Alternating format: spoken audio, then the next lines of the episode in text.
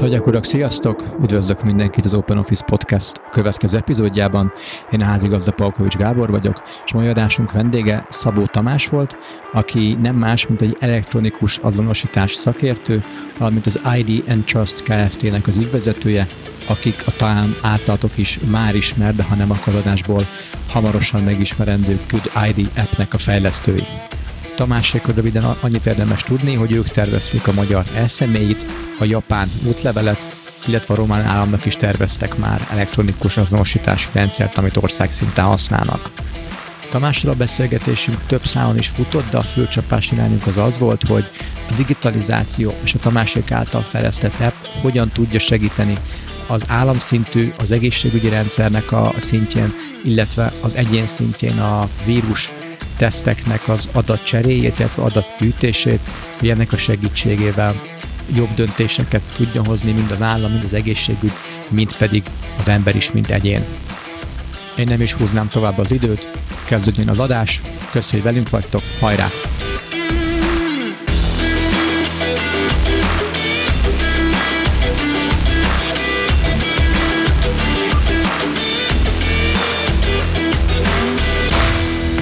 Kedves hallgatók, sziasztok! Üdvözlök mindenkit az Open Office Podcast egy következő adásába, ahol a mai vendégem Szabó Tamás, elektronikus azonosítás szakértő, és az ID and Trust Kft. ügyvezetője, és a mai témánk pedig az lesz, hogy a digitalizáció és az elektronikus azonosítás szakértelem, illetve hátterével hogyan lehet segíteni a jelenlegi pandémiás helyzetnek a a kezelését, hogyan tudunk jobban kijönni, és a, a digitalizáció hogyan lehet egy fontos lába az eljövendő jövőnek, ami előttünk áll. Tamás, üdvözöllek itt nálunk, köszönjük, hogy itt vagy. Köszönöm én is a lehetőséget, sziasztok, és köszönöm Gábor a, felvezetést. Szabó Tamás vagyok, igen, az ADN Trust Kft. ügyvezető, és lehet, hogy egy, egy néhány gondolatot mondanék rögtön a cégről, hogy, hogy el tudjatok bennünket helyezni a, a, a palettán, hogy kik is vagyunk. Mi egy, mi egy olyan technológiai, digitális technológiával foglalkozó fejlesztő cég vagyunk, akik, akik azt szoktam mondani, mint egy senior startup, most már lassan 20 éve fejlesztünk különféle elektronikus azonosítási és elektronikus aláírási megoldásokat. Van néhány olyan fontosabb projekt, ami a nevünk, nevünkhöz fűződik, például a Magyar Elektronikus Személyigazolvány, hogyha van valakinek már olyan személyigazolvány, amiben chip van, 2016. január 1 óta ezek léteznek. Ennek az egész rendszernek a beleítve a háttérrendszert, a chippel lévő szoftver megoldást, illetve a különféle kormányzati portára letölthető, letölthető middlevereket fejlesztjük, de emellett mi fejlesztettük ki a román egészségügyi kártyarendszert, az egy ilyen 20-22 millió állampolgárt érint, és két éve megnyertük a japán útlevél tendert, és ezáltal a japán útlevélnek a csípjére is mi fejlesztünk szoftvereket. Ez a core businessünk, mi ezzel foglalkozunk mint egy, mint egy white label, white label beszállító különféle nagy uh-huh. cégeken, nemzetközi konzorciumokon keresztül. És, és ami miatt ma itt ülünk, az, az, az gyakorlatilag a Good ID nevű spin-off megoldásunk, egy, egy, egy olyan fajta felhasználási lehetőség, amit itt a pandémiás helyzetben azt gondoljuk, hogy segíthet a gazdaságnak az újra bútolásában, adott esetben a kockázatok csökkentésében. A Gudádiról is majd fog néhány szót szólni, most csak előjáróban annyit, hogy ez egy digitális irattárca, egy mobil alkalmazás, amit Androidra, iOS-re bárki letölthet, ez egyébként egy brand new történet, kb. három hete élesítettük ki a, az iOS SS wow. verziót, úgyhogy, úgyhogy mindenkit ezen így, így ösztönöznek is arra, hogy nyugodtan töltsétek le, próbáljátok ki, ebbe betölthetitek a, a személyigazolványotokat, az útleveleteket, a jogosítványt, és, és, és akkor ez ott, ott, ott olyan ott jópofán el van, és egyébként persze az, hogy ott van, ez egy dolog, de aztán ezzel majd lehet bankszámlát nyitni, esetleg hitelt felvenni, pénzügyi szolgáltatóknál, esetleg telkó és egyéb szolgáltatóknál is ezt fel lehet használni. És, és ennek az alkalmazásnak persze nagyon sokféle funkciója van az okmánytárolás mellett, például az is, hogy, hogy különféle jogosultságokat tud tárolni, akár egy rendezvényre történő beléptetést, akár egy, egy valamilyen, valamilyen igazolást arról, hogy én jogosult vagyok valamire, és ilyen módon például, például szolgálhat, szolgálhat egy, egy, egy tesztigazolásként, hogyha én egy COVID-19 tesztet valahol igénybe veszek, ugye most már több uh-huh. egészségügyi intézmény, magánegészségügyi intézmény, illetve akár most már az állam is ugye május elejétől elkezdte ezeket a teszteket, végez ilyen különféle teszteléseket, és akkor ennek a tesztnek az eredményét nem csak papír alapon kaphatjuk meg, ami, ami persze by default rendelkezésre áll, hanem, hanem ezt megkaphatjuk ebben az alkalmazásban is. Digitálisan, egy, ez tulajdonképpen a, az asszisztens részéről egy, egy, egy mozdulat, egy QR kód olvasás, és megjelenik, QR kód olvasás, és megjelenik a, a tesztigazolása a telefonunkon. És lehet, hogy mielőtt így nagyon belemegyünk ebbe, egy picit beszélgessünk talán a tesztelésről, hogy, hogy ez hogy is zajlik, illetve én is nagyon kíváncsi lennék Gábor arra, hogy ti, ti hogyan látjátok ezt a pandémiás helyzetet, mert szerintem maga az egész téma is önmagában érdekes, még miatt így a digitalizációs részében nagyon belevágunk. Igen, pont, pont ezt szerettem volna mondani, hogy, hogy azért is gondoltuk érdekesnek, hogy meghívunk téged, és hogy beszélgessünk arról, hogy mit is csináltok, hogy ugye a célunk a, podcastünk az az, hogy jobban rávilágítsunk a, a munkavilágára, és akit az érdekel, az több aspektusból is láthassa és érthesse, hogy mi minden is történik, és mi minden is megy abba bele, hogy modern munka, mennyi lábon is áll ez, és ott, és ott azok a lábak hogyan is néznek ki. És a jelen, jelen helyzet, a jelen pandémiás helyzet a, a COVID-19 vírus miatt elég érzékenyen vagy nem is érzékenyen, nem ez rá a, a legjobb szó, de intenzíven érinti az irodák világát, és ez a párbeszéd már márciusban beindult. A mi iparágunk, az ingatlan és az iroda ipar, hívjuk így, eléggé megosztott. Sokan sokfélét mondanak, a jelenleg a, a konszenzus, ami a legtöbb helyről visszajön, hogy a távolságot tartani kéne, a fizikai távolságot tartani kéne az irodákba is és valahogy elszeparálni egymást. Van, aki azt mondja, hogy kevesebb bútor kell, szét kell húzni az asztalokat, minden asztal közé egy szekrény, arra egy paraván, arra egy plexi, a székek mellé is szekrény, arra paraván, arra plexi, asztalok ne is, ne is egymással szembenézzenek, körök jelöljék a padlón, hogy hol van a másfél méter távolság, egyirányú folyosók, leszalagozott székek, ahová tilos ülni, a mindenféle közös helyeknek, tereknek a felszámolása, és a többi, és a többi. És mi cégen belül is megosztottak vagyunk, hogyha egy nemzetközi hely, helyzetet nézünk, nagyon másképp gondolkodnak a lengyel kollégáink, mint a német kollégáink. Mi nagyon másképp gondolkozunk, mint mondjuk a franciák, vagy a spanyolok, vagy éppen az olaszok. Nyilván ez függ attól is az adott hogy milyen az adott helyzet az országban, ahol vagyunk, hiszen ott is éles különbségek vannak, ezért is mondtam, hogy megosztottak vagyunk. Mi abba hiszünk, hogy hogy mi nem tartjuk etikusnak jelenleg azt mondani bárkinek is, hogy vegyél sok szekrényt, vagy dobjál ki tíz asztalt, vagy működni fog az, hogy szerkényeket, plexiket teszel be. Van, ahol működni fog, és van, ahol értjük, hogy, hogy, hogy kell, de mi éles különbséget teszünk a biztonság érzete, és a valódi biztonság között. És mi látnunk egy óriási gátot abban, hogy amíg a külvilágunk alul szabályzott, addig egy, egy túlszabályzott, vagy éppenséggel megfelelően szabályzott irodai légkör, vagy irodai környezet nem biztos, hogy elegendő ahhoz, hogyha a külvilág, ahol amúgy élünk, és van létezünk irodákon kívül, ott ugyanolyan veszélynek vagyunk kitéve szinte, mint három hónappal ezelőtt mondjuk. És uh, mi abba hiszünk, hogy inkább utakat mutassunk, és lehetséges megoldásokat, és, és mi is inkább a, egyrészt az emberi oldalon látjuk, szokások, illetve majd egyszer eljön a nyáj immunitásnak a kifejlődése, és az immunrendszernek az erősítése, illetve a technológia oldalán látjuk a megoldást. Legyen ez vakcina, majd hogyha egyszer eljön, nyilván akkor az lesz a végső megállás, amikor megkönnyebbül mindenki ebbe a témába, illetve az, hogy addig milyen technológiai megoldások vannak, és amikor hallottunk rólatok, nekünk az volt szimpatikus, hogy ilyen megoldással, mint ti, de ezt majd kérlek te is mondta, hogy tényleg így működne, egyértelműen ki lehetne szűrni egy külső vendéget, vagy akár egy dolgozót a mindennapos csekkolással, hogy ez a digitális ID-jának a csekkolásával, hogy ő pozitív, fertőzötte, járt-e külföldön, vagy bármi aspektus, amit, amit úgy gondolunk, hogy fontos nézni, azt nagyon-nagyon egyszerűen, nagyon gyorsan, kontaktmentes és nagyon emberi módon tudnánk ezt, ezt kezelni, és mi úgy gondoljuk, hogy ha egy ilyen megoldás működőképes és létezik, akkor azt tudná segíteni, az valójában biztonságban érezzük magunkat, hogy történt egy, egy csekkolás a belépési ponton az uh, irodába. Ez helyesen gondolom, hogy nagyjából erről szólna a megoldásotok? Abszolút, ez is része, így van. Igen. Na, köszönöm, hogy, hogy ezt így elmondtad. Teljesen értem, és igazából összecseng azzal, amit, amit mi is tapasztalunk. Mi nagyjából most már több mint egy hónapja dolgozunk ezen a rendszeren, és, és a, ami, ami az ötletet adta egyébként, hogy egyáltalán ezen elkezdjük gondolkodni, az az volt, hogy mi Robert kórházzal már amúgy más területen dolgozunk egy ideje, Robert magánkórházzal, akik egyébként az egyik első magánegészségügyi intézmény volt, akik elkezdtek szerológia teszteket, aztán később PCR-teszteket is végezni. És a velük való konzultáció során derült a számunkra ki, hogy, hogy itt egy nagyon komplex problémáról beszélünk, mind az, az egész, szakmai egészségügyi oldala, az emberi oldala, a társadalmi oldala, a politikai oldala, és akkor még sorolhatnám napestig a különféle vonzatait, és persze ennek van technológiai oldala is. Ezeket, ezeket egyszerűen nem lehet egyiket a másik nélkül kezelni.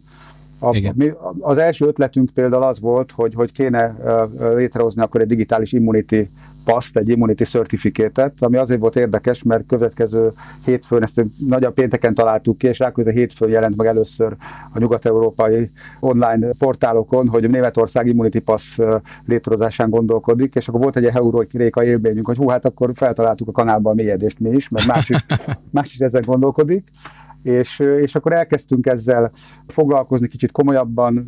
Egyrészt a szakmai egészségügyi hátterébe bevontuk még jobban a Robert Kórház szakértőjét is, ővele is konzultáltunk többet, illetve velük, és aztán elkezdtünk el nagyobb vállalatokhoz, most igazából nem mondhatok neveket, de nemzetközi vállalatokról van szó, és, és az volt az érdekes feedback, így első tapasztalásként, hogy, hogy nem, nem, nem tártkarokkal fogadták az ötletet egyáltalán, hanem, hanem, hanem rögtön inkább homlokráncolva kérdeztek vissza olyanokat, hogy de akkor, akkor most ezt hogy kell érteni? Az, akinek van ilyen immunity passza, és, és ő teljesen zöld, mert túl van a, a, a koronavírus betegségen, akkor ő, ő bejöhet dolgozni és kap fizetést, a többiek pedig maradjanak otthon és nem kapnak fizetést. Tehát rögtön egy olyan dologra világított rá, ami tényleg így első blikre nekünk se jutott eszünkbe, mert nyilván az ember ennek a pozitív oldalát nézi csak, hogy, hogy valójában valami kellene, hogy visszaindítsuk a, a gazdaságot, újra bútoljuk, valamire tényleg szükség lenne, ehhez, ehhez lehetne protokollokat illeszteni, de ha valaki ezt rossz célra használja, és esetleg diszkriminatív intézkedéseket tesz mögé, akkor ez legalább olyan veszélyes is tud lenni. Ugye rögtön a skarlátbetű jut az ember eszébe, és még sorolhatnék jó néhány példát a történelemből, ami, ami megbélyegző volt tehát, tehát bele, beleszaladtunk rögtön az első pofonba, ami nagyon izgalmas volt abból a szempontból, hogy el kellett kezdenünk jobb, jobban foglalkozni ennek az egyéb vetületeivel. És aztán egyre több helyről látjuk, hogy, hogy, hogy ugyanezekkel a koncernekkel küzdenek, tehát nagyon sokan például Immunity, Immunity Passról már beszélnek, nem csak Európa szerte, egyébként Ázsiában, Amerikában is már foglalkoznak a témával azóta. Ugyanakkor a WHO azt egy-két héttel ezelőtt egyértelműen kinyilatkozta, hogy az Immunity Passt egyáltalán nem támogatja. És persze mögé tette azokat a jogos koncerneket, hogy, hogy hogy azt látni kell, hogy például maga az immunitás sem bizonyított. Tehát az első, ez egy, ez egy szakmai probléma, hogy, hogy ma nem tudjuk megmondani, hogy aki átesett a betegségen, az vajon tényleg immunise, és ha igen, mennyi ideig tart az immunitás, illetve ha, ha csak részben immunis, akkor mitől függ, hogy meddig tart az immunitás. Tehát még nem telt el egy másfél év, még nincs ennyi tapasztalat egyszerűen, hogy erre bármit lehessen mondani. Tehát ez, ezek, ezek erős érvek, ugyanakkor ami, ami ezt még rosszabbá teszi, és még jobban árnyalja, hogy maguk a tesztek sem százszázalékosak. És itt akkor egy picit majd minden tesztekről is beszélgetünk, hogy igazán milyen típusú tesztek vannak, de valójában ez is egy alapprobléma. És hogyha ezeket így összerakjuk, akkor, akkor tényleg odajuk adunk ki, hogy igazából valószínűségekről beszélhetünk, hogy, hogy, hogy sikerült-e valakiről megállapítani, hogy betege vagy nem, sikerült-e valakiről megállapítani, hogy túl van a betegségem, vagy nem.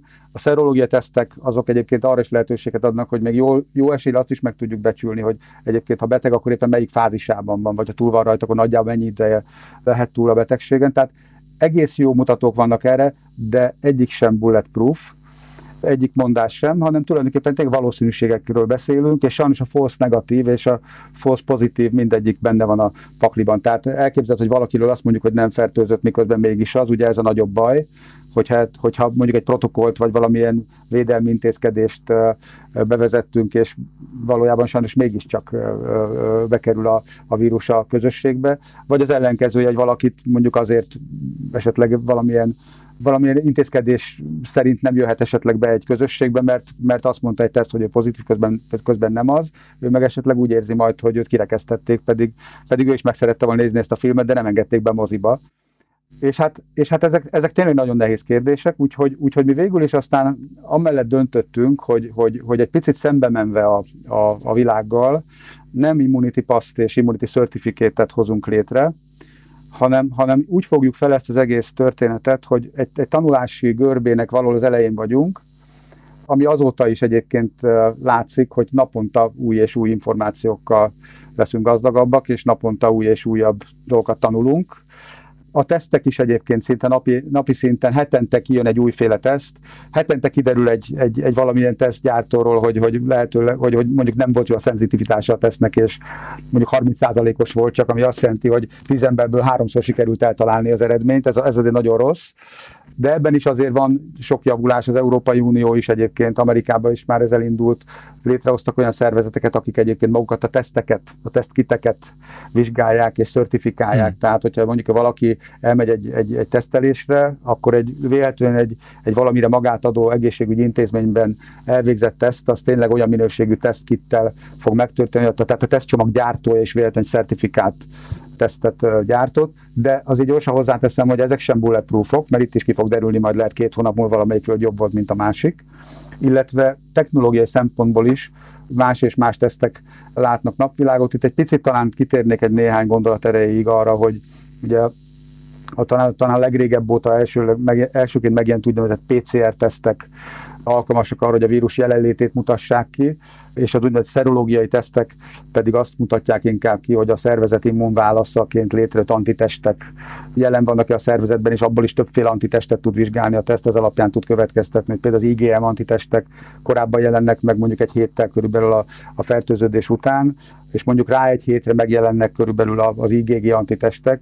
Hozzá kell tenni, hogy ezek, ezek megint statisztikai számok, mert van akinek két hét, van akinek háromnak, van, van akinek meg se jelenik, de azért az, az, úgy, az úgy látszik, hogy igen nagy valószínűséggel az esetek legnagyobb százalékában a vírusnak van egy inkubációs időszaka, egy olyan 5-7 nap körül, ami, ami alatt sajnos fertőz, és ami alatt a szerológia teszt még valószínűleg negatív eredményt fog kimutatni.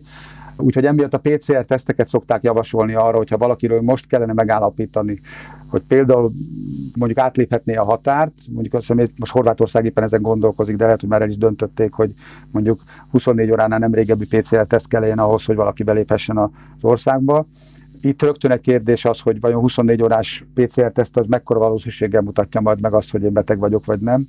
Miután nagyjából a PCR-teszt is kb. három nap a fertőződés után fog tudni hmm. pozitív mm. eredményt kimutatni. Tehát itt is azért van egyfajta valószínűség, de jobb a helyzet, mint a, mint a szerológia teszteknél. Úgyhogy százszor mint egy, a valószínűségekről tudunk beszélni, nem tudunk bulletproof megoldást foganatosítani, viszont, viszont azt meg tudjuk tenni, hogy a jelenlegi tudásunk szerint a lehető legjobb megoldást próbáljuk megkövetni, és itt igazából mi ebben próbálunk megsegíteni, hogy feltételezve azt, hogy az egészségügyi szolgáltatók időről időre tanulva a tegnapból egyre jobb minőségű tesztekkel tudják a piacon gyakorlatilag ellátni az, az, az ügyfeleket. Egyre, nagy valószínűs, egyre nagyobb valószínűséggel tudjuk megmondani valakiről, hogy kockázatban áll-e, vagy éppen kockázatot jelent a közösség számára, vagy nem. És, és feltételezve azt, hogy a másik oldalon mi is, mint, mint ügyfelek, szolgáltatók, intézmények, vállalatok egyre jobban fogjuk azt megtanulni, hogy igazából milyen protokollt érdemes adott esetben, egy milyen fajta intézkedés létre, létrehozni, és akkor itt kapcsolódnék rá arra, amit említettél, hogy vajon a plexia jó megoldás a két méter, vagy esetleg az a, az a jó megoldás, hogy hogy mondjuk egy QR kód olvasót elhelyezünk a földszinten, ami automatikusan le tudja pittyenteni azt, hogyha valakinek van valamilyen mondjuk egy hétnél nem régebbi tesztje, és akkor e között még lehet persze sokféle dolgot kitalálni. Tamás, amit én most nem értek egy picit, hogy ha valaki elmegy, csinál egy tesztet, akár az egyik, akár a, a másik tesztet, hogyan fog neki ez bekerülni bármilyen digitális pénztárcájába, vagy a telefonjába? Nektek ebbe a folyamatban hol van a helyetek, illetve a szerepetek? Hogyne. Tehát mi egy olyan rendszert tervezünk a szolgáltatóknak, az egészségügyi szolgáltatóknak a rendelkezésére bocsátani. Ez egyébként a héten indul a Robert Kórházban ennek az éles tesztelése, ami egy, egy, egy böngésző alapú online rendszerként mindenféle fejlesztés vagy rendszerintegráció nélkül használható a, a, az egészségügyi intézmény által. olyan módon, hogy, hogy, hogy különféle use case-eken, különféle ügyfélutakon keresztül képes lesz arra, hogy, hogy az ügyfélnek a saját telefonjára rákerüljen ez a certificate. A megoldás leegyszerűsítve azt teszi, vagy úgy működik, hogy, hogy az ügyfél letölti a Good nevű mobil alkalmazást a telefonjára, amikor letöltötte ezt az alkalmazást, akkor megjelenik egy, egy teszt utalvány ebben az alkalmazásban automatikusan, amit meg kell mutatnia az egészségügyi szolgáltatónak, és az egészségügyi szolgáltató le fogja olvasni ezt a QR kódot egy mobil alkalmazással, és kibocsátja ezt a tesztigazolást, amikor elkészült a teszt eredmény. Ez az egyik, meg, egyik, egyik, egyik út. Lehet olyan, olyan út például, hogy az ügyfél nem tölti le ezt az alkalmazást a teszteléskor, mert lehet, hogy ott már két hete tesztelték, vagy elfelejtette, vagy ott éppen nem áll rendelkezésre ez a lehetőség, ennek, ennek sok oka lehet, akkor ezt a, ezt a szolgáltató úgy is megteheti, az egészségügyi szolgáltató, hogy amikor kiküldi neki a teszteredményt például egy e-mailben, akkor abban az e-mailben kap egy linket, amire, hogyha rákattint a paciens, akkor azon keresztül gyakorlatilag megtörténik minden, ami kell ahhoz, hogy nála az a tesztigazolás megjelenjen a telefonon. Tehát arra törekedtünk, hogy ügyfélélményben a páciensek számára is egy nagyon-nagyon egyszerű megoldás legyen ez, tehát neki nem kell igazából még regisztrálnia se magát sehova, elég, hogy egy linkre rákattint, és utána végigmegy egy folyamaton, hogy letölti a mobil alkalmazást, és miután letöltötte a mobil alkalmazást, ott sem kell regisztrálni sehova, automatikusan megjelenik ez a, ez a tesztigazolás, és a szolgáltatóknál is fontos, hogy ne, kelljen, ne, ne, ne legyen egy olyan előfeltétele ennek a rendszerek a használatának, hogy neki felté- valóban fejlesztenie kell, integrálnia kell, ugye az nyilván megnehezíteni ennek a használatát, hanem tulajdonképpen a, mi adunk neki egy olyan felületet, amin keresztül beregisztrál erre a szolgáltatás, és azon keresztül mindent intézhet, és ami nagyon fontos, hogy ez a rendszer nem tárol személyes adatokat. Hát itt azért egy, egy elég érzékeny kérdés itt az adatkezelés, mint olyan. Ugye a GDPR rendelet óta Magyarországon egyébként korábban is elég szigorú adatvédelmi törvények voltak, de ugye GDPR óta ez már Európai Unió szinten is, meg, meg még nálunk is még, még izgalmasabb lett, mert ugye bírság az ugyanúgy van, csak még az összege is ugyanaz, azt szoktam mondani, csak, a nagy, csak, csak ugye a, a mértékegység változott, mert előtte 20 millió forint volt, a bírság most 20 millió euró. A, a bírság, a viccet félretéve, a, a lényege ennek a rendszernek pont az, hogy semmilyen személyes adatot nem tárol a rendszer, az az egészségügyi szolgáltatónál marad, határolja, az az ő szíve joga, hogy eltárolja, és a másik oldal pedig természetesen a páciens, akinek a saját telefonján egy adatszépbe kerül ez az információ. Értem. Azt el tudod mondani, hogy, hogy ugye a Robert kórházat említetted, mint szervezet vagy, vagy kórház, intézmény, akivel, akivel együtt dolgoztok már ezen. Számukra mi ebbe a legnagyobb előny, illetve mit, mit várnak ettől? Igen, ott, ott igazából két dolog, ami, ami számukra érdekes.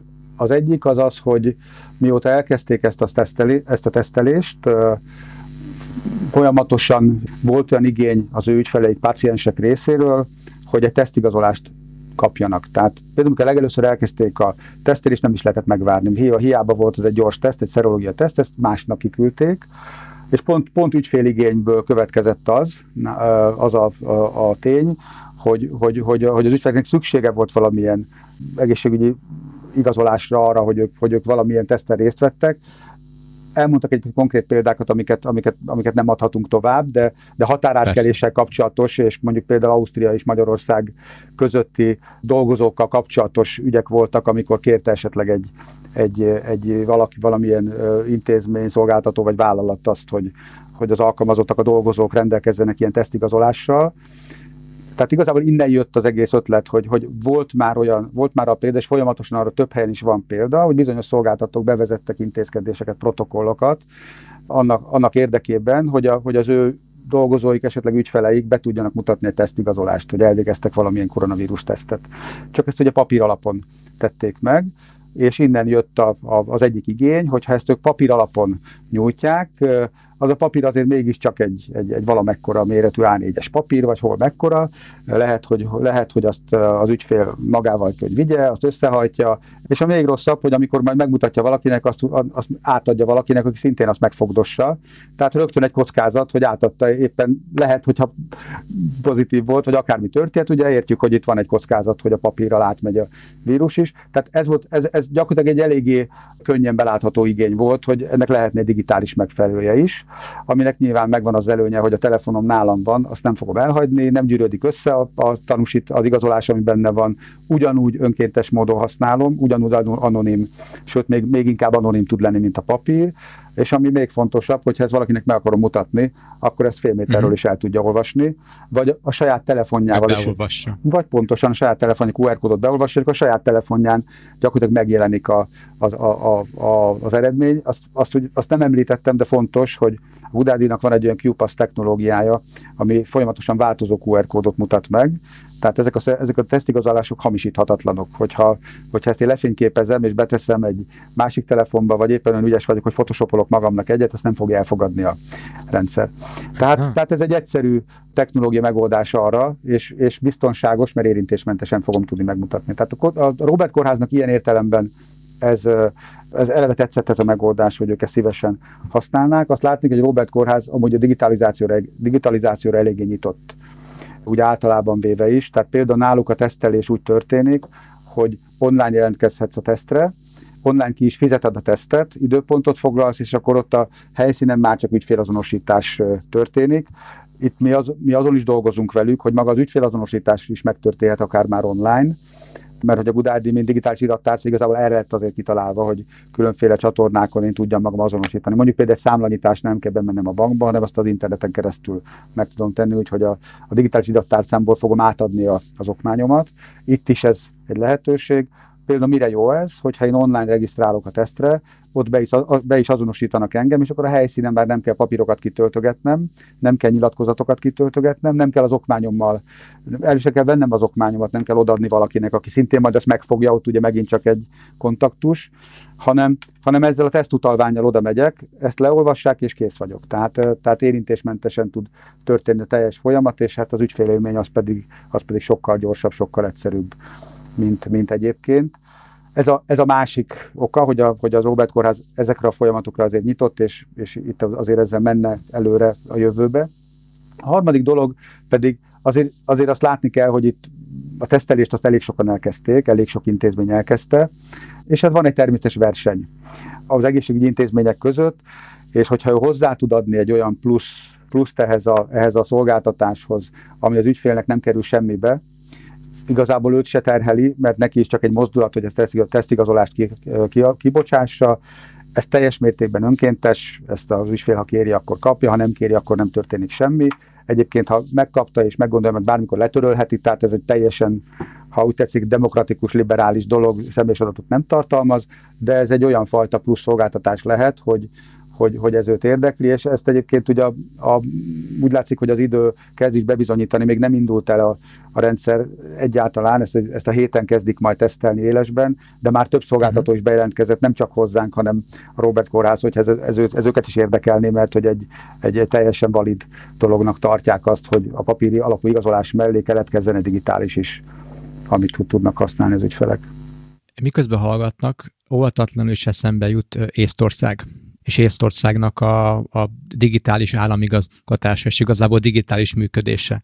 Én munkám miatt sokat járok oda, és mindig meglep, amikor egy taxisofőrrel, vagy egy ottani kontakttal, ügyféllel, vagy most már lassan barátokkal is, is beszélgetek, és mesélik nekem, hogy hogyan vettek egy, mondjuk egy házat, vagy egy ingatlant, úgy, hogy besétáltak az ingatlanossal megnézni az adott lakás vagy adott házat, eldöntöttek, hogy nekem ez tetszik, és hogy meg szeretnék venni, elővették a telefonjukat, belégtek az állami ebbe, ott, ott van a bank, ott van az állam, ott van az ingatlanos cég, néhány kattintással leukészte a bank a, a hitelt, megtörtént az azonosítás, közben megkapta az ingatlanos az ő részén, aláírták mind, mind a ketten, és percek leforgás alatt egy ingatlan adásvétel, szinte meg, is, meg is történt, de pont így mondhatom azt is, hogy a jogosítvány hosszabbítás csak a, a telefonon történik, az ember mikor lejár, kap egy értesítés, rányom, hogy oké, szeretnék egy orvos időpontot,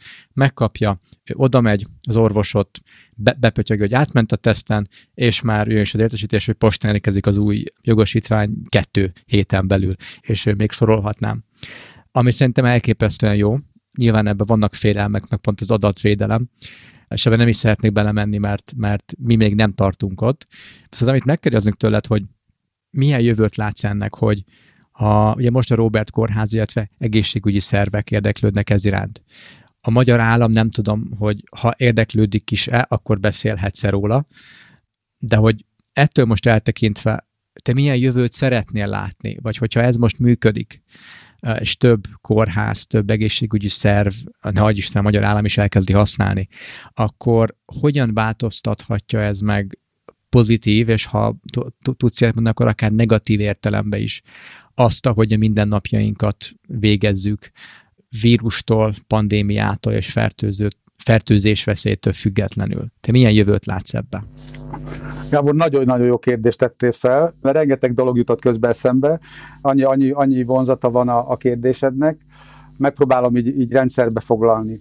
Egyrészt Észtország, Észtország egy, egy nagyon, nagyon érdekes és jó példa. Egyébként pont ma jött ki egy, egy ma láttam egy, egy, egy, egy online portán, talán pont a portfólió jött ki, az, az, arról, arról egy, egy, egy PR anyag, hogy Észtország elindította, vagy hát tervezi közel, közeljövőben elindítani az Immunity Pass, ami COVID-19 Immunity Pass, dacára annak, hogy egyébként azt hiszem pontosan 1791 fertőzöttet regisztráltak eddig Észtországban.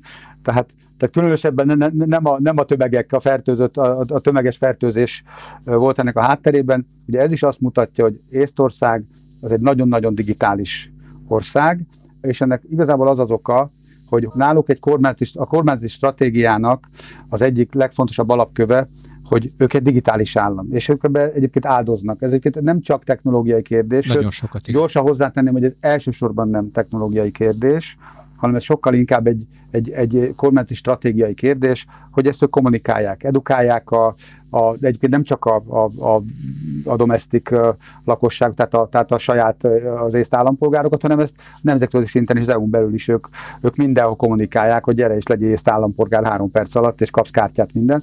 Tehát, ő, tehát ez, egy, ez egy fontos dolog itt. Ugye egy pillanatra gyorsan kikanyarodnék az elszemélyre, amit, amit itt Magyarországon ugye fejlesztettünk.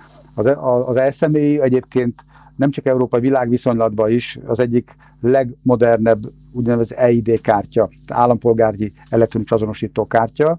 Ezt egyébként tételesen le tudjuk írni, hogy miért szakmai szempontok mentén. Ugye ez egy kontaktusmentes technológia, tele van mindenféle nagyon izgalmas funkciókkal, ez az útlevél funkciót tartalmazza, minősített elektronikus aláírás funkciót tartalmaz, kontaktus nélküli módon, tehát mobiltelefonról is elérhető módon képes arra, hogy távolról ügyfelet azonosítson, azonosítson olyan módon, mint a személyesen lenné, ott közlekedési funkciókat rá lehet tenni, és sorolhatnám napestig.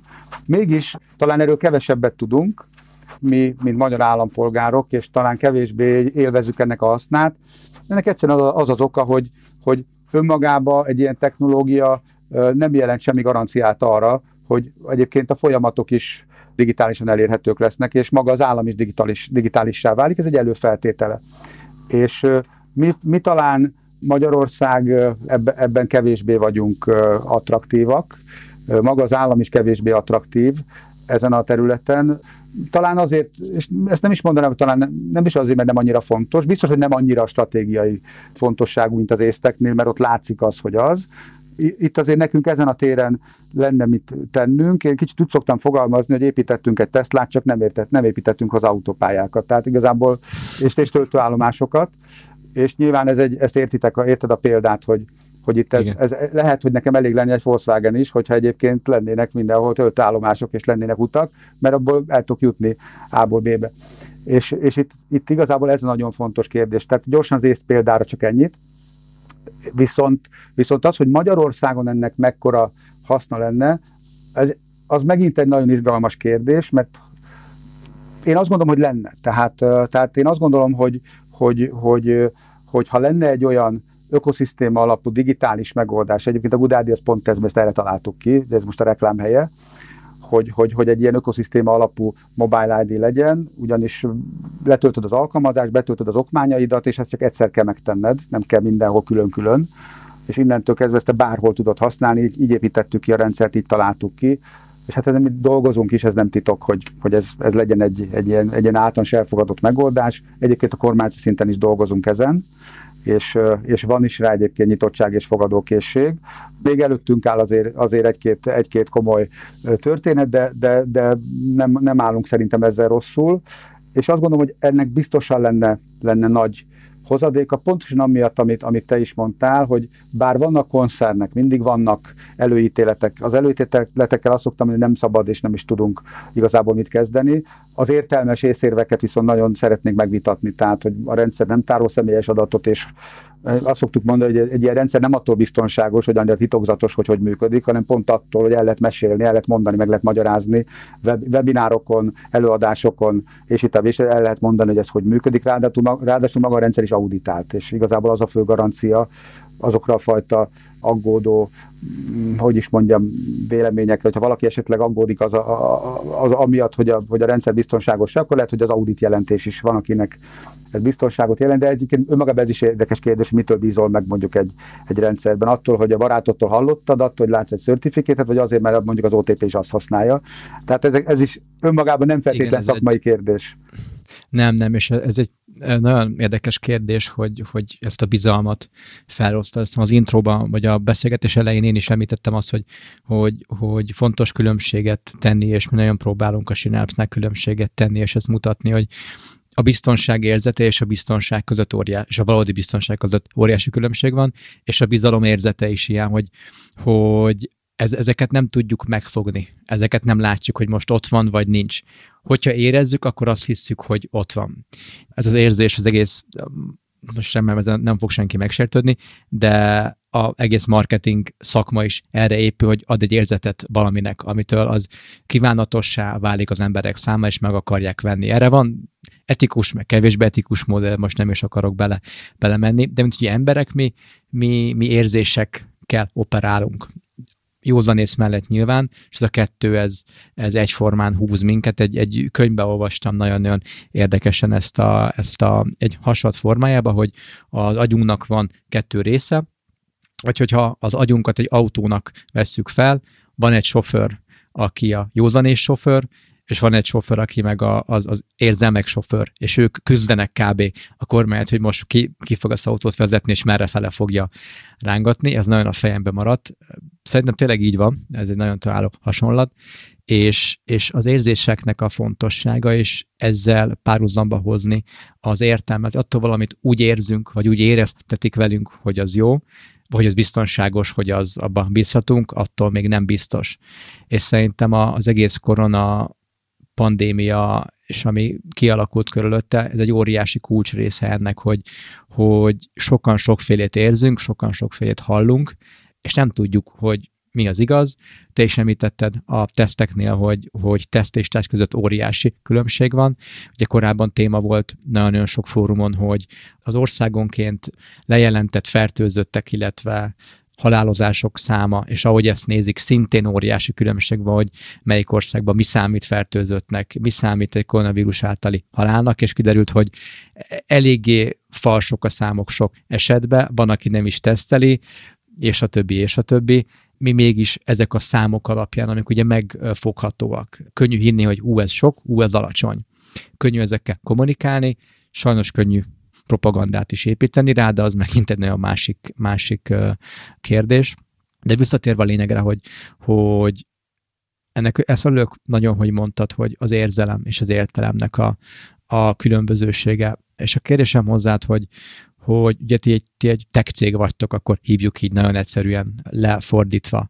És a beszélgetés elején mondtad, hogy mikor cégekhez mentetek ezzel a lehetőséggel, negatívan fogadták, és a skarlát betű, illetve a kiközösítésre sok negatív érzelmet mutattak, hogy, hogy ők ettől félnek. Aki most ezt hallgatja, és azon gondolkozik, hogy ú, ez tök érdekes, meg tök izgi, de hú, ebbe azért vannak kérdések, meg félek ettől, akkor milyen olyan akár példák, akár leginkább információk, adat, ahová ők tudnak fordulni, utána érdeklődni, vagy ha van tényleg egy olyan készteri, vagy olyan példa, ami már működött hasonló elven, és mutatja, hogy ez milyen jó irányokba vezethet. Ilyet tudsz esetleg mondani? Igen, és nem.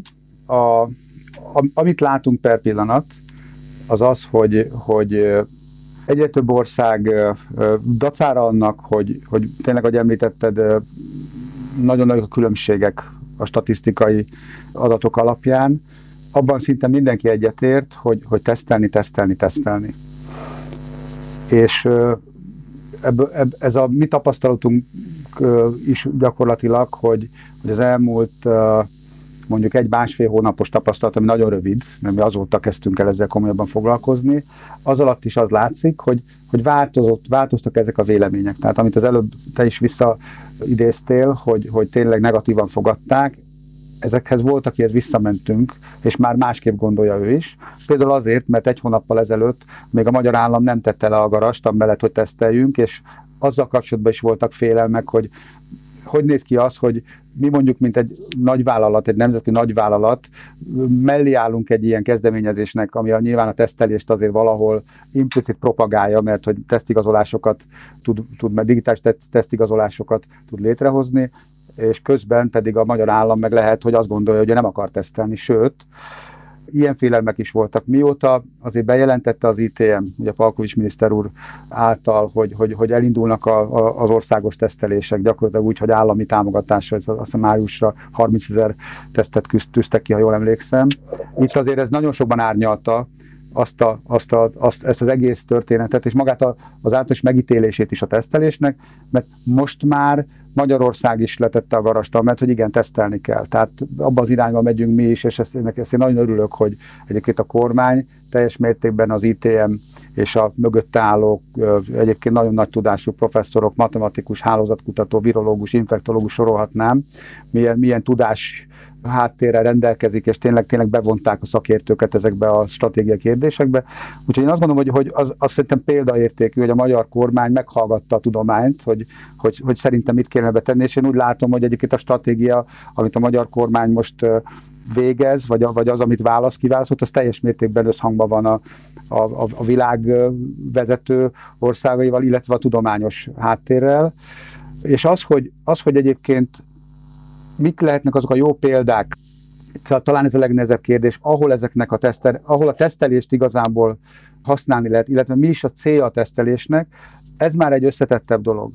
Ugyanis a, a tesztelésnek nyilván célja az, hogy, hogy lássuk az átfertőződést, hogy mekkora az országban az átfertőződés. Nagyon fontos, hogy ebből aztán statisztikai, lehetőleg minél pontosabb statisztikai adataink legyenek, hogy meg tudjuk becsülni, prognosztizálni tudjuk az egészségügyi rendszernek a, az, az erőforrás, a kapacitás igényét, hogy ugye, ha jól tudom, most 30 ezer kórházi ágyat biztosítottak, vajon meddig elég az, vajon meddig szabad elengedni a vírust ahhoz, hogy még időben visszafogjuk, a fertőződést, ahhoz, hogy még mondjuk ne kerüljön bajba az egészségügy. Itt, itt már egy másfél hónap is lehetett arról olvasni, hogy igazából sem az elfolytás, sem a visszafogás önmagában nem jó megoldás, hanem ezeknek kombinációja. Tehát kicsit elengedjük a vírust, aztán picit visszafogjuk. Magyarul én arra számítok, hogy véhetően most, hogyha kicsit kinyitottuk az országot egy időre, majd meglátjuk, hogy mennyire indul el a fertőző, fertőzés, hogy elindul-e, de ha igen, akkor véhető, hogy megint lesz egy visszafogás, és lehet, hogy elfolytás is, lehet, hogy megint lesz egy, egy karanténos időszak, de ezt most megint csak mindenki prognosztizálni tudja. Ne, igen.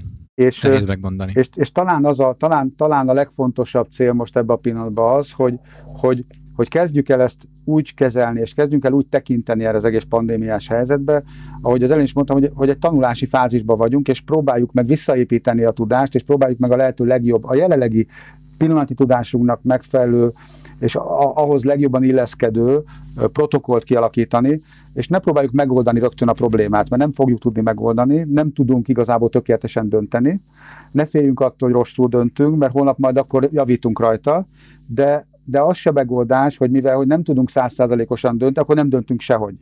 Az a baj, hogy, hogy nincsenek jó döntések szerintünk, rossz döntések között kell labdázni, hogy melyik a kevésbé rossz, és azt gondolom, hogy, hogy itt talán nagyon fontos a hozzáállás, hogy, hogy, hogy pozitívan álljunk hozzá, hogy, hogy tényleg ne, ne egymásba keressük a hibát, hogy ne a diszkriminációt erősítsük, ne, a, ne az előítéleteket próbáljuk meg erősíteni. Nem tudunk persze mit tenni ezzel, vannak mindig trollok, tehát mindig lesz olyan, aki, aki, egy, aki, aki megtalálja a, a, a, azt a pontot, ahol, ahol, ahol egy ilyen rendszer támadni lehet. Főleg egy ilyen szituációban, ami rengeteg kényes kérdést vett fel önmagában az egész sztori megosztó, tehát maga a pandémia megosztó. Nagyon. Maradj otthon, vagy menjél ki. Tehát ugye látjuk, hogy van, aki az összeesküvés elméleteket gyárt mögé, hogy nem is akarok belemenni, mert ti is olvastatok sokat. Nem is kell, nem is kell, igen. Nem úgy, is hogy, kell. Úgy, hogy, úgy, hogy, egy úgyhogy, ja, bocsánat, csak annyi a végén, hogy, hogy azt látjuk, hogy, hogy vannak, akik elindultak abban az irányba, hogy, hogy intézkedéseket hoztak létre, vannak abban kezdeményezések, például három hete fogorvosoknál,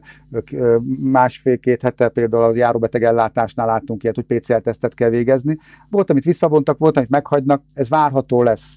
Tehát mi arra számítunk, hogy például most a, itt a határátkeléssel kapcsolatban jelent meg ez a kérdés, számítunk arra, hogy lesznek olyan területek, ahol elképzelhető, hogy kérnek majd ilyen tesztigazolást. Az is lehet, hogy nem.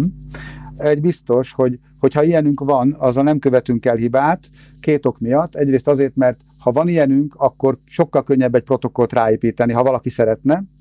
Kettő, ezeknek a tesztigazolásoknak az eredményét anonim módon, statisztikai úton vissza lehet vezetni egy központi rendszerbe, ahol természetesen név nélkül, de azt lehet látni, hogy mondjuk hányan teszteltek az elmúlt héten, milyen eredménnyel teszteltek, azok közül hányan jöttek vissza tesztelésre, tehát lehet, tehát segíthet abban is, hogy egy picit jobban megértsük a vírus terjedést. Van még egy nagyon érdekes sztori, ami, amit ha megengedett gyorsan megpróbálok röviden elmondani. Kijött ugye az Apple és a Google egy, egy, egy, egy technológiával, ezt a contact tracingnek hívják, ez kontaktutatás technológia, ami azért nagyon izgalmas, mert ez kicsit olyan, mint a Coca-Cola meg a Pepsi most kijöttek volna egy új üdítővel. Azért az Apple és a Google nem sokszor értettek egyet úgy nagyon semmibe, tehát akár itt az iOS és az Android vonatkozásában ezt tapasztalhattuk.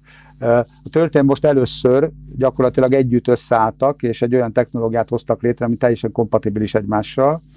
Ugye ez most május közepén elindul, mint egy API, tehát elérhető a fejlesztők számára az operációs rendszernek ez a funkciója, de június közepétől már az operációs rendszernek része lesz. Ugye ez azt teszi, hogy önkéntesen bárki, hogyha Android vagy iOS telefonja van, akkor beállíthatja azt, hogy ő részt vesz ebben a programban, ezek ebben a kontaktkutatás programban. Itt őt trészelik, de nem lokáció alapon trészelik, hanem azt, azt, azt regisztrálja ez az alkalmazás, vagy igazából az operációs rendszer, hogy valakivel közel, fizikai közelségbe került, egy Bluetooth-on anonim adatokat cserélnek. Mire jó ez, hogy majd, hogyha én beállítom egy idő múlva, hogy, hogy kiderült, hogy fertőzött vagyok, akkor mindenkit, akivel az elmúlt 14 napban találkoztam, Értesíti. értesíteni fog egy alertet küld, és akkor én tudhatom, vagy te tudhatod, hogy hú, valaki, nem tudod, hogy ki volt az, de tudhatod, hogy valakivel találkoztál. Valakivel. És akkor megfontolhatod, és esetleg elmész tesztelni például egyet.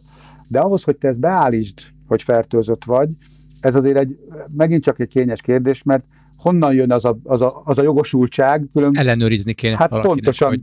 pontosan. Na itt most megint a képbe jövünk, mert hogy mi ki tudunk állítani fertőzött tesztigazolást is, ami egy jogosultságot jelenthet például egy ilyen beállításhoz, mert különben szét lehet trollkodni a rendszert. Hogyha valaki csak úgy vízből beállítja, akkor utána elkezd ijeszgetni, mondani, hogy az 200 embert, akivel Vagy a igen, mert mondjuk pont egy hibás tesztet csinálta, hogy te is mondod, és ú, én pozitív vagyok, és közben meg amúgy nem. Ez, sajnos ez, ez benne lehet továbbra is. Tehát magát azt, a, azt ez nem fogja tudni kiszűrni, hogy, hogy esetleg van egy 1-2 százalékos hibarátája ezeknek a teszteknek, és mondjuk Igen. egy false pozitívat ad, ilyenkor nyilván ez egy kérdés, megint csak egy tesztelési protokoll kérdés, hogy, hogy mondjuk egy pozitív tesztet meg kell erősíteni egy, egy következő teszttel. Erre, erre megint ki lehet találni sok mindent. Ezek majd lépések lesznek nyilván, de mindenképpen jó, hogyha, hogyha van adat, és leginkább a, a hatósági szervek, akik tudnak ezzel ellen tenni, azok ezt látják, és tudnak belőle tanulni leginkább, és és ahogy már többször is említettük, nagyon megosztó az az egész helyzet, és nincsenek kész megoldások, vagy biztos megoldások, és információs adatútján tudunk egyre pontosabb és pontosabb és hatékonyabb megoldásokat találni, és amiről beszéltük az előbb is, a bizalom, ez a biztonságérzet is így fog menni, és ahogy szintén említetted, a, egy tanulási görbének vagyunk az, az elején, és ahogy már szintén többször mondtuk, hibázni nem szabad félnünk és akkor újra kell tervezni, vissza kell menni, de abba, abba egyetértek veled minden más mellett, amit most elmondtam, hogy ehhez viszont információ kell, és összefogás és közös gondolkodás kell. Egyébként nagyon érdekes, hogy ez az egész pandémia eset, erről sokat lehet olvasni. Azért, azért tanít, nagy tanító. Tehát tehát rengeteget fogunk bele tanulni. Van benne, igen. Tehát egyébként pont az együttműködésre egyébként szerintem egy nagyon jó mér, mér, mérő, hogy, hogy mennyire vagyunk képesek egy ilyen szituációban együttműködni. És én azt gondolom, hogy, hogy, hogy nem olyan rossz a helyzet, tehát sokkal jobb legalábbis, mint amire én például számítottam. Úgyhogy, úgyhogy ez, egy, ez egy nagyon érdekes kérdés, hogy, hogy hogyan fogunk ebből tanulni. Nálunk például mikroszinten az én cégemen belül Például nagyon könnyű volt eldönteni, hogy maradjunk otthon. Mi egy IT cég révén nem volt olyan nehéz, mindenki otthonról folytatja azt, amit a cégnél csinál. De a visszavezetés már sokkal komplexebb. Elkezdtünk arról beszélgetni már házon belül, hogy visszamenjünk az irodába, és, és mi azért így demokratikus cég lévén megkérdeztünk mindenkit, hogy, hogy mondja el mindenki erről a véleményét, és nagyon érdekes volt, hogy azért a, azért legtöbb, a, leg, a cég többsége az, az nagyon jól el van ezzel a, ezzel a home office-szal, és még olyanok is, akik az elején nehezen szoktak hozzá, most már úgy beleszoktak. Tehát, tehát én arra számítok, hogy, hogy akármi is lesz ennek a vége, nem biztos, hogy nem állunk ugyanoda vissza. Legalábbis a munkavégzési jellege, főleg azoknál a, a cégeknél, ahol, ahol azért a home office mint lehetőség az, az ott lesz, én számítok arra, hogy ott azért, ha más nem, ezt tanulságként magunkkal visszük, hogy, hogy sokkal több mindent el lehet intézni online, mint amit gondoltuk. Egy, egy, egy, egy csomó dolgot hatékonyabban lehet intézni. Aztán majd meglátjuk. Tehát lehet, lehet az is, hogy egy év múlva elfelejtjük, és ugyanott tartunk, ahol, ahol most. Ez, ez nagyon Igen, meg ez, meg ez azért nagyon egyénfüggő, cégfüggő, folyamatfüggő, és nagyon célfüggő is. De azzal, azzal az abszolút ezt a véleményt én is osztom, hogy azoktól a, a, a berögződött evidenciának hit dogmáktól, hogy a munka csak fix időben és fix helyen történhet, és állandó ellenőrzés mellett, az egy remek lehetőség volt ez a, a pandémiás időszak, ami most túl vagyunk, vagy lábalunk belőle ki, hogy belássuk, hogy ez nem mindig van így. Én, én számtalan olyan példát hallok a, a körülöttem lévő emberektől, hogy főképp akik, akik kisgyerekkel vannak most otthon ebbe a, a kényszer karantén home office-ba, hogy, dub, hogy felosztották a napjukat úgy, hogy dolgoznak déltől négyig, és mondjuk este kilenctől éjfélig. Mert ezen kívül a gyerekeikkel vannak, családdal vannak, segítenek nekik tanulni, vagy éppen bármi más, de a napi 8 óra munka ugyanúgy megvan. Nyilván ezt nem teheti meg bárki, de aki ezt megteheti, az megbeszélte a hr valamilyen egyéni, egyéni módszer dolgoztak ki, hogyha a munkafolyamatok az ellenőrzés, a visszacsatolás, a KPI-ok lehet ezt most bárhogy hívni, hatékonyan vannak kezelve, mindenki érti, mit csinál a másik, és hogy megcsinálta-e, akkor ezek abszolút működőképes részek, illetve szinte jó példa az rá, hogy sok cég vezeti be már itthon is a, a meetingmentes időszakot minden nap, egy-két-három óra, amikor nem lehet meetinget szervezni. Most, amit én átla inkább a ebéd körül időben, 11-től 1-ig, déltől 2-ig, el, hogy emberek tudjanak nyugodtan enni, hogyha akarnak, egyedül vagy családdal, vagy akár, hogyha benn vannak a cégbe, akkor kollégákkal, barátokkal, és hogy kicsit, kicsit ebben nekem azt tetszik a legjobban, hogy így, így ez egy jelzés, hogy, hogy tegyünk már valamit azért, hogy ne a meetingekről meetingeljünk a következő meetingen, hanem gondoljuk már el, hogy tényleg érdemes még egy kolt összehívni, tényleg érdemes azt a meetinget összehívni, vagy valamilyen projektmenedzsment felületen tudjunk egyszerűen kommunikálni most Slack, vagy Trello, vagy Teams, vagy bármilyen appre lehet gondolni, ahol, ahol lehet folyamatokat követni, anélkül, hogy 5-6-7 ember andon összeülne és szenvedne, vagy a csatlakozással, a hanggal, a videóval, vagy az, hogy személyesen hol a meeting room, van-e kivetítő, ott van-e mindenki, és a többi, és a többi, és a többi. Amellett, hogy, hogy, hogy egy, egy jelzés arra is, hogy, hogy mi, mint emberek a szokásainkon ha azt is hiszük, hogy nehezen, de sokszor könnyen tudunk változtatni, és nem kerülnek pénzbe és ez szerintem most egy elképesztő pozitív kimenetel lehet ennek a helyzetnek. Tamás, szerintem átbeszéltünk mindent, amit, amit szerettünk volna. Bármilyen záró gondolat röviden tőled. Van-e ilyen? Ne, ne ijedjünk meg attól, hogy, hogy egy tanulási fázisnak az elején vagyunk, és ne ijedjünk meg attól, hogy, hogy hibázni fogunk esetleg útközben. Oké, okay, köszönöm szépen Tamás akinek érdekes volt, amiről most beszélgettünk, az egyesre hol tudja elérni az appet, amiről beszélte, illetve ha veltek akar valaki kapcsolatba lépni, mi erre a legjobb mód? Igen, az, a, az appeket ezt nagyon egyszerűen a, a iOS-en az App Store-ból lehet letölteni, Google-ön pedig értemszerűen, a, vagy Androidon a Google Play-ből. Uh-huh. A Good ID-val kapcsolatos... Az appnek a neve az Good az, ID, az, az, az, az, az alkalmazás, alkalmazásnak a neve az igen, az Good ID egybeírva. Oké, okay, G-O-O-D. G-O-D, ID. így van. Oké. Okay. Ez egy kis szójáték, és, és a, egyébként a hozzátartozó weboldal az pedig www.gudadi.net. ott minden információt el lehet érni. Magáról a Gudádi mobil alkalmazásról, az irattárcáról, hogy, hogy, hogy hogy is működik, milyennek a célja, csak nagyon egyszerűen ott lehet olvasni egy picit a COVID-19 Green tesztigazolásokról, erről magáról a kezdeményezésről, illetve ott még lehet olvasni egy, egy, egy, egy másik kezdeményezésünkről, egy úgynevezett e-ügyfélszolgálat nevű rendszerről, amit, amit szintén most a pandémiás helyzet miatt hoztunk létre. Ez valójában arra hivatott, hogy mindazon szolgáltatók, akik, akik most nem tudnak személyesen találkozni az ügyfeleikkel, egyszerűen meg tudják tenni ezen a felületen keresztül. Egyébként szintén a Gudádi irattárca van a háttérben és, és ezen a felületen találtok elérhetőséget is. Tehát ha bárkinek valamilyen kérdése van, akár ezen a felületen keresztül, illetve maga a, a Google és, a, és, a, és az Apple is ad erre lehetőséget az alkalmazás sztorokon keresztül is lehet nekünk lehet tőlük kérdezni, úgyhogy, úgyhogy bátorítok mindenkit, hogyha ha kérdése van, akkor, akkor tényleg fordulj hozzánk bizalommal, és előre is köszönjük, hogyha akár az észrevételeiteket, tapasztalataitokat megosztjátok velünk akkor hallottátok, akit az érdekel, irány az App Store, vagy az említett weboldal. Tamás, köszönöm szépen, hogy eljöttél hozzánk. Én nagyon örülök és nagyon élveztem, hogy tudtunk beszélgetni. Minden jót neked, és kedves hallgatók, köszönjük nektek is, hogy velünk voltatok ma. Sziasztok! Én köszönöm a megtiszteltetést, és sziasztok, én is örülök.